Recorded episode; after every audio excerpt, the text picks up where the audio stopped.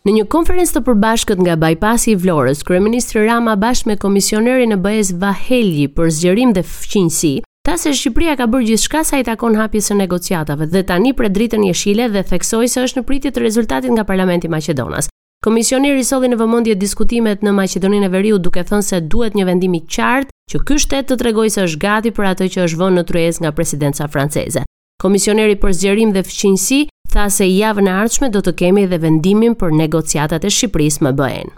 Institucionet e drejtësisë kanë raportuar para kuvendit mbi përmbushjen e rekomandimeve që u janë dhënë nga ekzekutivi dhe legjislacioni, por për Sali Berishën të gjithë krerët e këtyre organeve janë vendosur në rresht nga Edi Rama dhe për këtë arsye nuk hetojnë korrupsionin që ka kapur çdo qelizë të pushtetit lokal dhe atij qendror.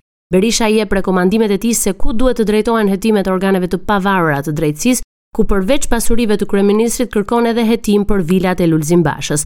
Përgjigjen për akuzat e kreut të PD-së para parlamentit e kanë dhënë ministrat Manja dhe Spiropali, që i kujtuan si funksiononte drejtësia kur ai qeveriste. Për krerët e organeve të drejtësisë, asnjë deputet nuk pati pyetje, ndërsa për raportet e SPAK-ut, Prokurorisë së Përgjithshme, ILD, KLGJ dhe KLP, debati parlamentar zgjati 4 orë.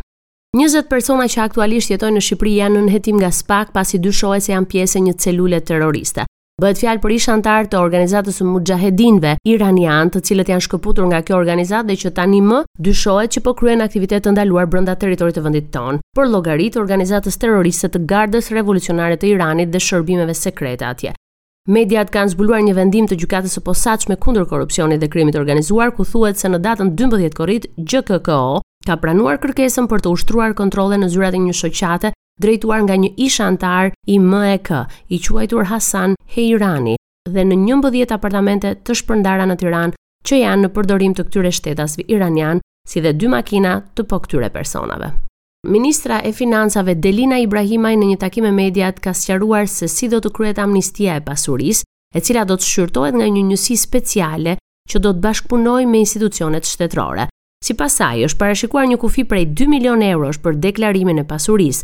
Do krijohet një njësi speciale që do të ndërveprojë me institucionet shtetërore që kanë si objektiv elementet që ajo paraqiti.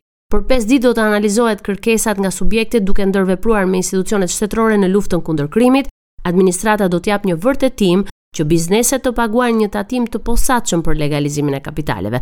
Është 7% për 4 mujorin e parë të zbatimit të ligjit dhe 10% për 5 mujorin e dytë. Në fund të verifikimit do të dalë një vërtetim që legalizon këto para apo asete.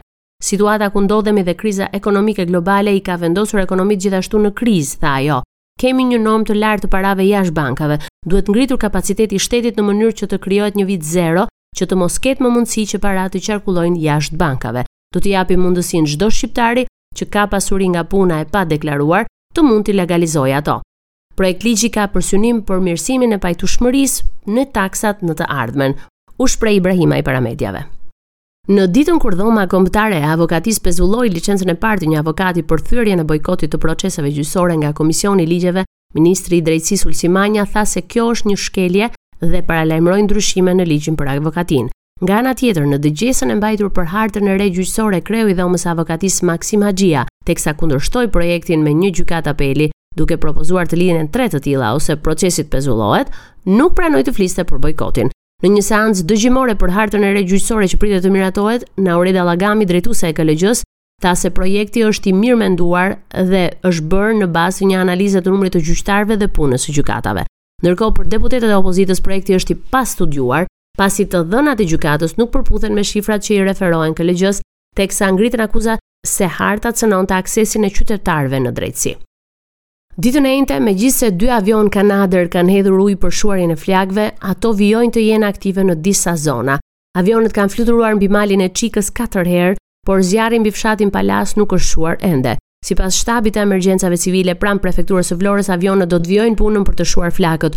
Ushtarët e forcave të armatosura janë larguar nga terreni pasi përplasja e ujit që hidhet nga lart bën që shkëmbi i nxehur nga temperaturat të krijojë çarje duke shkaktuar rrezik dhe për ta. Ndërkohë që në pjesën jugore të Malit të Çikës janë djegur rreth 80 hektarë pyll me bredha, zjarri po shkon 500 metra afër Palasës. Komisioni për veprimtarinë prodhuese, tregtinë dhe mjedisin është mbledhur këtë të mërkurë për të shqyrtuar propozimin dhe ndryshimet në kodin rrugor. Taulant Balla, si përfaqësues i deputetëve të mazhorancës që ka dërguar në kuvend ndryshimet, është shprehur se ato i shërbejnë qytetarëve të thjeshtë të këtij vendi dhe janë marrë nga një vend si Italia. Besoj që secili prej nesh duhet ta shohë veten në radhë të parë si një qytetar, qytetar i thjeshtë. Dhe kur bëjmë kur bëjmë ligjet duhet të mendojmë sikur sikur jemi njëri prej tyre. Dhe kjo është mënyra më e mirë për ta parë këtë këto ndryshime. Shikojeni propozimet e mia sikur të jeni ju ai qytetari që përfitoni nesër nga zgjatja e afatit, por shikojeni dhe nga aspekti një prindi që rri pa gjumë, kur di që djali apo vajza e tij tetëmbëdhjetë vjeçar, nëntëmbëdhjetë vjeçar ka dalë natën me makinë dhe që ne sot po i vendosim ligjin. Unë e di që shumë të rinj e të reja kur ta dëgjojnë këtë diskutim që ne po bëjmë thonë, "Ah, po na vënë dhe një kufizim tjetër." Po patjetër po i vëmë kufizim, sepse e vërteta është këto shifra që janë këtu janë janë të rënda. Shifrat e aksidenteve rrugore tek moshat e reja janë të rënda dhe ne po vendosim një kufizim që nuk e kemi marrë nga Hëna, po e kemi marrë nga vendi tjetër, vetëm një det na ndan, nga Italia, të cilët në kushtet e rritjes eksponenciale të aksidenteve rrugore te moshat e reja, kanë vënë këtë kufizim. Raportoi nga Tirana për Radio SBS, Gerta Heta.